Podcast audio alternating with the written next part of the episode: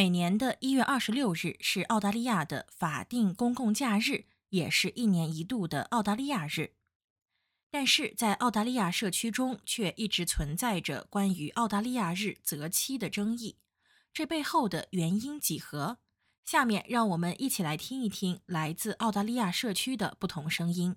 一月二十六号被称为澳大利亚日，从国定假期的概念来讲呢，其实到一九九四年才刚刚开始的。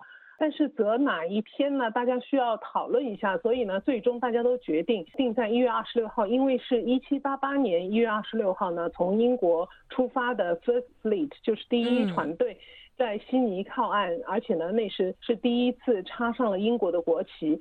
所以呢，他们就觉得，呃，选这一个日子就比较有象征性，有比较代表性。但是当然了，呃，有关这一个日子择日的争议呢？也就是因为这个才产生的。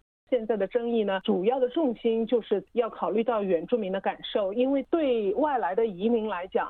就后几代的移民呢，其实无所谓。就是呃，我到了澳大利亚啊，如果有人告诉我一月二十六号是澳大利亚日，那么我就当然认可了。对第一代的英国的殖民的那些移民来讲呢，他们也觉得很自豪，因为我现在就是开辟了一片新的国土，成立了一个新的国家。但是对原住民来讲呢，这本来是他们的土地，所以呢，有一个比较多的说法是，与其叫 Australian Day，就是澳大利亚日。日，他现在把它叫做 Invasion Day，就是入侵日，因为对他们来讲是入侵的日子，是他们失去这片土地，不再作为这片土地主人的日子，而且呢是他们呃受到耻辱的日子。因为这一原因，一位原住民表示，根本不应该有澳大利亚日。I don't think there should be Australia Day at all.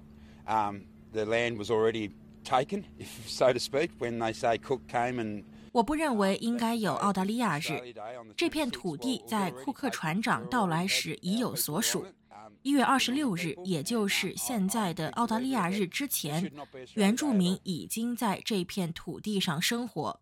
我坚定地认为不应该有澳大利亚日。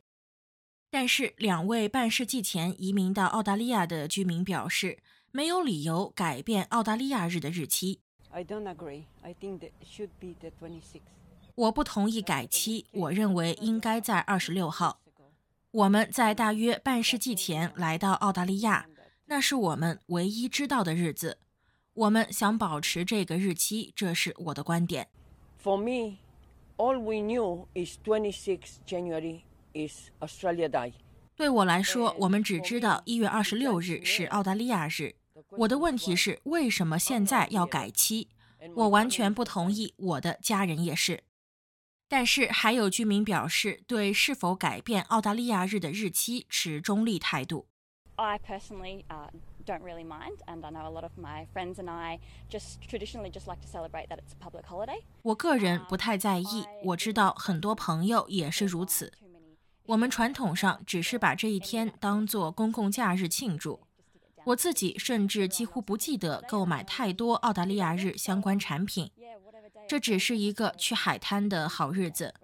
老实说，每个人都喜欢公共假日，所以无论他在哪一天，我相信每个人都会享受这一天。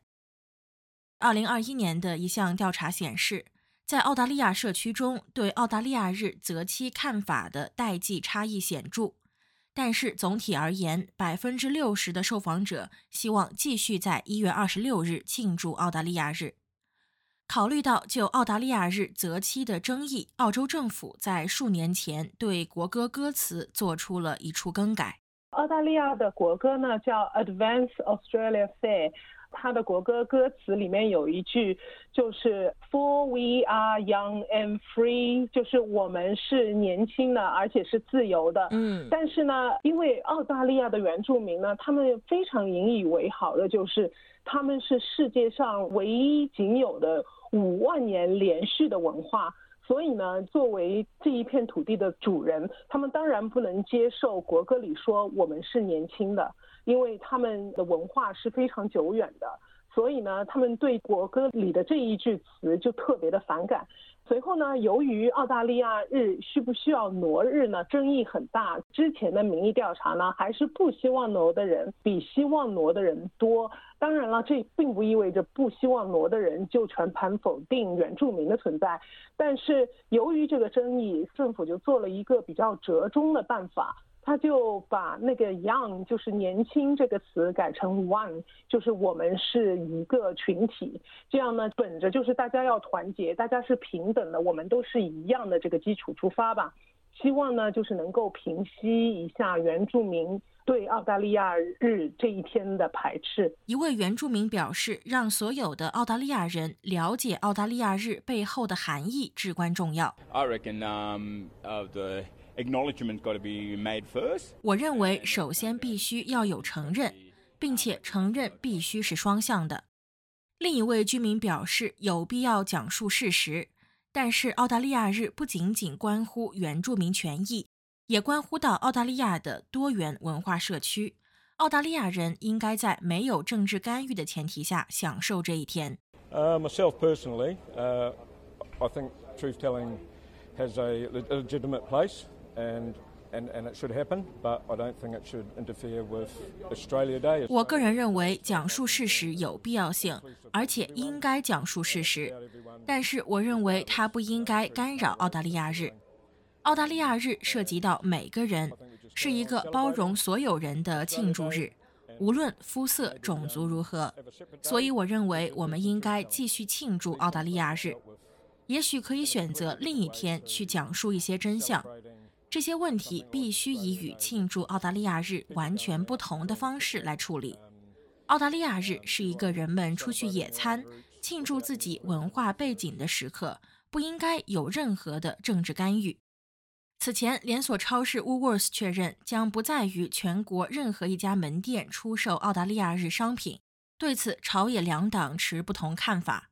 在野的联盟党国库部发言人泰勒表示。对 Woolworths 的决定表示失望。I don't understand what it is with this constant desire to divide us. Australians are proud of of their country for the most part. 我不明白这种持续分裂我们的欲望是什么。大多数澳大利亚人对他们的国家感到自豪，他们为我们的身份感到自豪，他们希望看到我们成为一个团结的国家。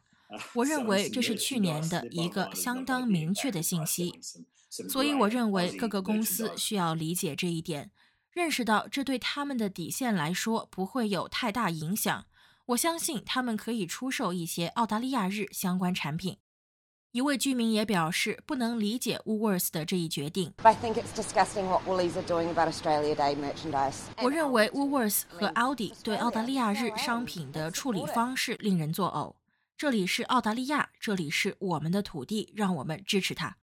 工党部长瓦特则表示，联盟党不应以澳大利亚日为由打文化战。I think it really shows the kind of priorities of Peter Dutton. Rather than thinking about the things that are priorities for Australians，我认为这无疑显示了彼得·达顿的优先事项。他没有考虑澳大利亚人的真正关心的事情，比如说减轻生活成本压力，不增加通货膨胀压力。相反，他却在打一场又一场的文化战，讨论超市销售什么样的产品。我认为这并不是大多数澳大利亚人现在关心的优先事项。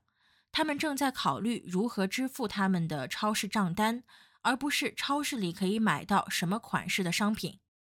一位居民也表示赞成 Woolworths 的这一决定。I support Woolies with their decision. I think it's good. 我支持 Woolworths 的决定。我认为这是一件好事。我认为澳大利亚日的日期需要重新考虑。有华人表示对澳大利亚日是否择期持中立态度。